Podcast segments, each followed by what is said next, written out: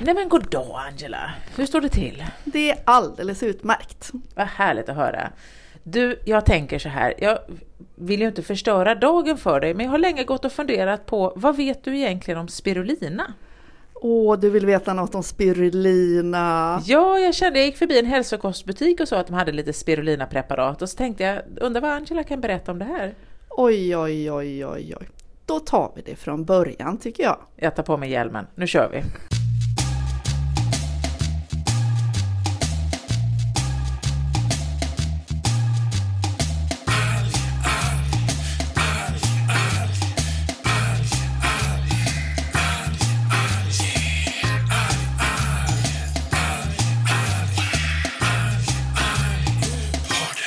Ja men eh, spirulina är en eh, missförstådd stackare.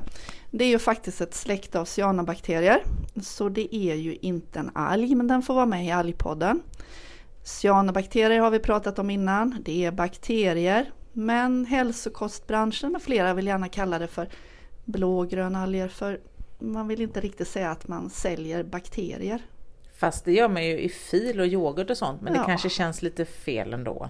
Ja, det har fått ett oförtjänt dåligt rykte, men, men vi får väl leva med det då. Vi klarar det. Så då krånglar jag till det lite här igen. Nähä, Jo. Alltså det som odlas och säljs under namnet spirulina, det är inte spirulina ens. nej men vad fasen, vad är det då? Det är ett släkte som heter Arthrospira. Oh, det låter lite som artros. Ja, jag har inte tänkt på det faktiskt. Ja, det, Det- kanske är därför man inte skriver artrospira, det låter nästan som gynnar artros, växande Jag artros. säljer bakterier som gynnar artros. Nej, det kanske det ligger inte. något i det. Ja, nej, vi förstår varför man säger spirulina.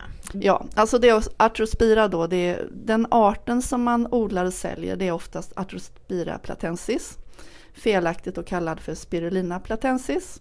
Om vi ska ta det från början så finns det ungefär mellan 26 och 44 arter inom det här Arthrospira-släktet. Så det finns många olika arter. Att man säger 26 till 44 beror på att 26 är accepterade och resten är lite, råder viss osäkerhet kring. Är det systematik och genetik nu igen här? Det kan du ge det på. Mm. Och så har vi ju då spirulina, för spirulina finns, alltså det är bara det att det vi äter inte är spirulina. Vad det kan bli. Oh yes! Och då har vi hos spirulina någonstans mellan eh, 62 och 85 arter och det är samma där och 62 är bekräftade. Så okej, då har vi liksom berättat ut att vi har släktet Arthrospira och spirulina. Mm. Deras våra vänner systematikerna som har flyttat runt en del igen. De gör ju det, våra vänner, systematikerna. Ja, och väldigt goda grunder ibland och ibland blir det jobbigt för oss övriga som ska förhålla oss till det. Det har ju hänt, det har ju hänt. De här, både spirulina och artrospira, de ser ganska lika ut. Det är då liksom tråd, de är encelliga men de bildar trådar, filament så att de kan bli långa och de klumpar ihop sig så man kan se dem för blotta ögat. De har antingen en blekt blågrön färg eller en kraftigt eh, blågrön färg. Ja, de är väldigt vackra att titta på i mikroskop. Ja, fantastiskt. Och sen så, så är det ju så att de förökar sig asexuellt genom delning.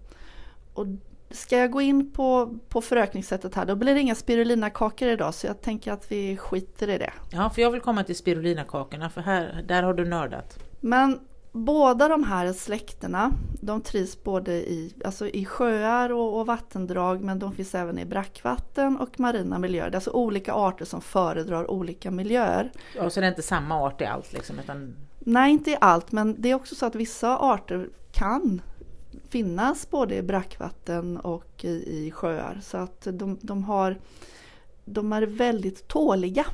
Väldigt anpassningsbara. Mm. Det är ganska spännande för att vara en cell ändå. Mm, visst är det. Men Det är det är ju våra vänner som har startat fotosyntesen en gång på vår planet. Så 3-3,5 miljarder år har de ju på nacken. Ja, så att det, det är ju liksom det som krävs för att starta en planet. Yes. Men de kan dessutom eh, leva både i vattenmassan som Mm. växtplankton men på botten. Det, ibland är det olika arter, ibland är det arter som trivs på båda ställena. Och de kan då klumpa ihop sig eh, och vara i sådana här filament eller i kolonier och samtidigt röra sig på botten. Oh. Ungefär som eh, vissa kiselalger gör med en Ja. glidande rörelse. Och det ser helt fantastiskt ut. Alltså det, det skulle jag verkligen önska att eh, man fick titta på i mikroskop. Festligt. Mm. Alger som rör sig. Ja, fast nu var det ju inte alger den här gången. Okej, bakterier som rör sig. Yes. Så här har vi då framgångsrika, livskraftiga rackare. Och från och med nu så kommer jag säga spirulina även om det är Arthrospira platensis. För att vi vet att det inte är helt korrekt men de är så hopblandade så ska man liksom kunna föra en vettig konversation kring de här spirulinakakorna så får, får det vara så. Vi, jag, jag godtar detta för idag. Men varför är vi då så förtjusta i spirulinaprodukter och varför kallas det för superfood? För det står det ju i butiken ofta. Ja, superfood är jag ju, ja, jag är lite allergisk mot att kalla saker för super och så vidare och fantastiskt och bla bla bla. Men okej, de har, spirulina har fantastiska egenskaper. Men hur som helst. Det finns en väldigt lång historia bakom det här användandet av spirulina. För att det är väldigt proteinrikt. Och man, man säger så här, proteinhalt på 60 procent. Det är Oj. otroligt högt. Det är oh, jäklar! Men vissa odlingar kan man komma upp i 70 procent. Så att eh, alltså det finns ju anledning att vara fascinerad över dem. Oj, ja, alltså 70 Kött. procent! Jag tänkte säga, det, det är som en liten grön ko. Eller blågrön ko. Ja, Och så innehåller det också mycket vitaminer, mycket mineraler, eh, bra fettsyror och, och så vidare. Så att ja men visst, visst alltså Även om inte jag tycker superfood är en riktig benämning så är det, det är någonting, det ligger någonting här. Va? Det ja, finns ja, ja. någonting. Det här är nog det mest super jag har hört i, så, hittills. Alltså, wow! Sen kan vi ju då säga så att vi friska människor i västvärlden behöver knappast ett proteintillskott. Mm, ta ett ägg om dagen och så har du klarat dig. Vi är ju ungefär på den nivån. Mm. Men eh, om man är en extrem elitidrottare eller om man är i jättestort behov av extra proteiner, ja men fine då. Men det här är ju ett väldigt dyrt protein om man nu ska köpa det som proteinkälla. Ja, jag tänkte säga det, för jag menar, det är ju ändå ganska små celler och ska man då få i sig en mängd Mm, så blir det ju... det blir dyrt. Ägg är ju förhållandevis billigare, ja. Ja. Mm. Så det finns ju då en gammal historia bakom det här. Alltså det här vi, idag odlar vi de här spirulinerna för, att- för att äta dem. Mm. Men de växer ju vilt, de, som jag sa, Ja. växer i sjöar och vattendrag och de blommar ju och man kan ju samla ihop dem. Och det här finns ju då historiskt sett dokumenterat redan på, på 1500-talet. Så pass tidigt? Mm. Och det kan man läsa om i olika, ja, olika källor och jag har ju då naturligtvis nördat ner mig totalt så jag var tvungen att hitta originalkällan till de här påståendena. Ja, för man kan ju inte bara påstå saker utan att skriva varifrån påståendet kommer. Nej, Det är fel. och man hittar ofta referenser och citat men när man läser just den artikeln de refererar till så är inte det en originalkälla utan den refererar i sin tur till en annan, till en annan, till en annan. Så du gjorde helt enkelt det vetenskapliga, nördiga och spårade dig bakåt till originalet? Tre timmar senare så hade jag hade jag nått Florentin Codex bok 11. Ett praktverk som skrevs av Bernardino och nu är det stor reservation för uttalet. Sahagun. Eller Sahagun. Spanien, var, var är det här? Nej men det här är väl det verket som är från Sydamerika va? Ja, han Ja. hängde i Mexiko och studerade aztekernas liv. Och i då bok 11, Earthly Things tror jag till och med den heter. Den, den, kan, den har, det är ett bibliotek som faktiskt har digitaliserat det här verket så man kan gå in och titta på det. Och det är fantastiskt, det är riktigt fantastiskt. Och just i den här då, han, bes, han beskriver aztekernas liv och allting som finns runt omkring dem. Han höll på från 1540 till 1585. Men de här är handskrivna och handillustrerade alltså? Ja, fantastiska Gud, och snyggt skrivna, man kan faktiskt läsa. Åh, Och om man tar pdf-versionen då så på uppslag 139 om jag inte minns helt fel så finns det alltså en illustration av hur man eh, skördar och sen gör sådana här spirulinakakor. nämen. Visst är det coolt? Det är ju hur coolt som helst. mm. Så det, det här kan jag rekommendera om man då letar på nätet så, och bara titta på de här vackra praktbanden. Och vad man gjorde då? Man skördade, man hade som, som ett ska, hur ska man beskriva det? Liksom som en sil eller någonting? En Något tyg? Ja, ja. ja, Tyg som var insluten i en hård ram. Ja. Och så blommar ju de här, så en tät blomning och så får man upp eh, cyanobakterierna, spirulinerna. Ja, man hovar upp dem liksom? Ja, ja just det. Men de, är, de var så rikligt förekommande så att man kan liksom bara ta på ytan så fick man jättestora mängder. Wow. Och så lägger man det i solen så det får torka och så skär man upp det i fyrkantiga kakor och så äter man dem. Och, jag menar, som proteintillskott i den här delen av världen med de förhållanden man levde till så är det fantastiskt bra. Ja, alltså just med allt och med vitaminer och sånt. Det, det är mm. ju klockrent. Sen är det mm, faktiskt väldigt, väldigt rikt på järn också. Och eh, vitamin B, alltså olika B12 och olika B-vitaminer är det dessutom. Men Sen finns det sådana här nu idag då, vi kallar det för claims inom hälsokostbranschen. Man säger att det innehåller väldigt mycket omega-3 fettsyror. Och det är lite mer tveksamt för det beror faktiskt på hur de har växt, under vilka temperaturer och miljöförhållanden de har växt. För att, för att man ska bli, det ska bli riktigt bra med de här fettsyrorna då ska det växa under lite mer kalla förhållanden. För de här vill vill gärna vara dels alkalina, alltså basiska förhållanden, högt pH men temperatur runt 30 grader. Och då, ja, det är ju inte mm. riktigt eh, så. Nej, så jag tänker att de, de lagrar omega-3 fettsyror om det är kallt för då blir det ju som en sån här en bra lagringsform. Den här då. Ja, både Eller? lagringsform och dessutom när vi har pratat isalger så gör det också att det inte fryser. Så att det är också ett ja. sorts frysskydd. Så ska man odla de här algerna så ska man först kanske då odla upp dem varmt och sen sänka temperaturen så att de får bra fettsyror och sen mm. skörda dem. Där kan man, där, där kan man hitta, där, där finns tricks att öka innehållet av det. Men som sagt, då måste man analysera varje batch för sig. Ja, så man kanske inte ska köpa dem. Om man vill ha omega-3 så är det kanske inte spirulina nej, nej. man ska köpa. Nej, men det, det är bra. Eh, men det är inte bara i Sydamerika utan även i Afrika har man då traditionsenligt runt Victoriasjön till exempel ungefär på samma sätt och så skördar man dem och torkar man och äter. Och i Tchad, alltså landet Tchad, mm. där har man också lyft upp det här och eh, där, där är det fortfarande så att man man har det som ett naturligt tillskott eller ett inslag i sin normala föda. Det är ju jättespännande. Ja, jag tycker det är skitfräckt. Ja. skitfräckt. Det är framförallt intressant det här just med att se hur, hur, hur alger och bakterier är en del av kosten. Det är inte liksom att man äter det som vi äter potatis idag, mycket och ofta. Utan att det är den här varierande kosten med, med små bitar liksom, mm. som gör det. Ja.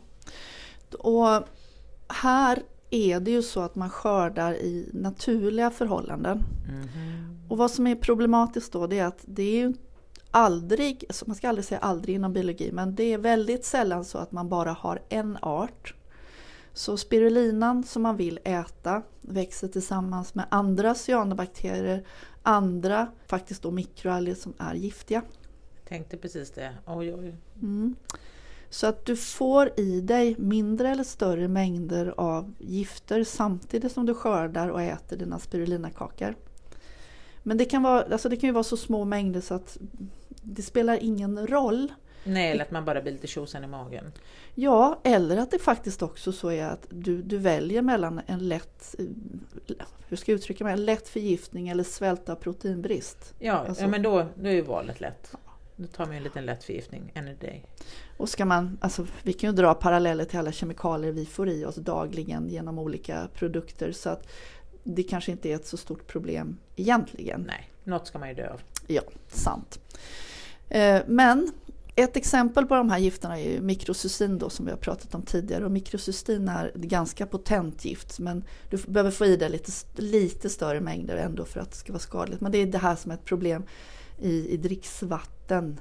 Ah, just det. Mm. Mm. Ja, mer. Ja, hur odlas det idag då, spirulina? För jag menar, jag tänker att när man odlar det så måste man ändå ha så att säga, monokulturer. Mm.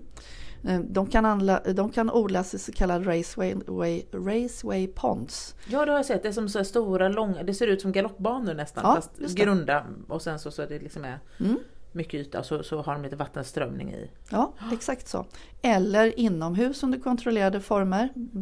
Beroende på vad man ska använda det till också då, hur känsligt det är och hur, vilken kontroll man behöver ha på produkten. Sen tar man ju prover regelbundet och ser att det inte är inslag, eller så här ska jag säga, seriösa odlare kontrollerar. Oseriösa odlare bara kör på och skördar. Och det kan ju vara svårt att veta när man köper en produkt att den verkligen är kvalitetssäkrad. Ja, det finns väl ingen riktig sån kvalitetsmärkning eller stämpel då? Nej, för, för hälsokostbranschen vad jag vet. Mm. Oj, ja, okej, man gamlar lite grann. Men, men ska vi äta spirulina då? Var, var, varför inte? Jag menar, det, det verkar ju bra. Ja, varför inte eller varför inte? Ja. Det är, alltså om vi tar det första, om man ska säga varför, om vi inte ska äta spirulina då, då handlar det om att man kan vara känslig av någon anledning och det här kan man också då slå upp på nätet i Livsmedelsverket till exempel, att, att det finns, jag tror till och med Wikipedia är ganska bra här, att det finns vissa medicinska tillstånd och man ska undvika att äta det. Ja, men så är det med allt. Ja, ja, men precis som med ja. makroalger, att man, har man struma så ska man vara försiktig eftersom ja, det innehåller mycket jod. Ja. Mm. Där är Livsmedelsverket otroligt bra. Så okej, okay, där manar man till försiktighet. Men sen då, varför inte? Mm. Okej, okay, överdrifterna är ju omfattande inom hälsokostbranschen. Men om du har råd, alltså har du råd och har gott om pengar och du känner att du vill lägga det på något spirulinapulver, spirulina, spirulina smoothie, så okej, okay, varför inte? Men gör det då. Men det finns då rapporter om negativa hälsoeffekter som jag sa. Så det är ju bra att läsa på innan. Fast det är ju tyvärr så att man måste också vara försiktig när man läser på. Ah, du menar att man behöver vara lite källkritisk här? Ja, och det är inte alltid så lätt. Utan det finns en hel del då som påstås vara vetenskapliga rapporter. Du menar som Vitamininstitutet i Schweiz? Exakt. Så går man in och tittar på det och så följer man källan och så ser man, jo men det fanns väl en undersökning där men den undersökningen var på personen själv som hade druckit någonting och upplevde att man kände sig frisk och pigg. Ja men det är ju ingen riktig vetenskaplig studie. Uh, nej. Vi behöver ett ordentligt underlag. Okej, okay. så har vi då en studie och det verkar bra och så tittar man och så läser man. Ja, då måste man också titta på var den är publicerad. Ja, för det är ju så att, att någonting är publicerat i en vetenskaplig tidskrift är ju inte faktiskt alltid en okej-stämpel. Nej, och ibland handlar det också om en så kallad vetenskaplig tidskrift. Precis, för det finns ju en hel del oseriösa tidskrifter som maskerar sig ganska väl. Precis som inom alla branscher så finns det fuskare. Mm -hmm. Nu finns det något som heter Journal Guide eh, och de har en så kallad white list, den vita listan. Mm. Så att eh, de tidskrifter som hamnar där, alltså det här är ju, det är ju inte hugget i stenen då. Det är ju inte hundraprocentigt säkert för att det finns med på, i Journal Guide men det är ändå ett steg på vägen. Ja. Det är alltid bra. Så om, om, om, man läser någonting som är en vetenskaplig tidskrift och det inte är någon vetenskaplig tidskrift som man känner till och som man vet som Nature eller Lancet eller The Cell eller någonting. Så kan man alltså gå in på Journal Guide och bara se, är det här en, en okej okay, eller är det en, en, eh, en tidskrift som publicerar tvivelaktiga studier? Ja, så är det. För det finns nämligen ett, jag tänker inte hänga ut någon här, men det, det finns en, en artikel som florerar just när det gäller spirulina. Och går man, tar man och tar den vidare så ser man att det verkar vara en bra studie men det är då publicerat i en tidskrift som inte är godkänd. Hoppsan hoppsan. Mm. Och då, då ringer en liten klocka här. Va? Det, det behöver inte vara fel, det behöver inte vara farligt men det är ändå oseriöst. Ja, för att och, för, för våra lyssnare så kanske vi ska förklara att när man skickar in någonting till en tidskrift för att få det publicerat så granskas det av två till tre oberoende forskare som, som tittar på det och ser att det är korrekt genomfört och rimligt. Och en oseriös journal kanske då inte har den här granskningen eller eh, att man då ändå tar in det fast det liksom inte uppfyller de kriterier som en seriös tidskrift har. Ja, och nästa ytterlighet är att du får betala 10 till 15 000 kronor för att få din artikel publicerad. Och bara där har man ju ett incitament som... Alltså, ja. ah, du menar att man kan köpa sig till en publikation istället för att den ja. måste vara bra? Ja. Hoppsan hoppsan, betygsfusk. Så, ja, och det här är alltså inom de här alltså, där det finns mycket pengar, i branscher där det finns pengar att göra, så Mm. ökar risken för det här. Såklart. Och spirulina tyvärr är ju då utsatt för en del överdrifter. Men återigen, alltså det är i grunden en, jag vill ändå säga att det är i grunden en produ- bra produkt från början. Mm. Men det finns vissa, man får vara försiktig och den är ju extremt dyr om det nu är protein man är ute efter. Ja. ja, men det är intressant. Då, då ska jag titta på spirulina-produkterna nästa gång och fundera kring om de är ordentligt ansvarsfullt producerade och se vad som sägs om dem helt enkelt. Sen vet vi ju att eh, jag skulle kunna sitta här och prata x timmar till om, om olika spiruliner och eh, arter och hur de lever och varför och ditten och datten. Men det kanske räcker eller? Jag tror att vi får nöja oss för den här gången Angela. Okej då. Vi kan alltid komma tillbaks till ämnet. Tack. Vi ses då, ha det bra! Tjing tjing!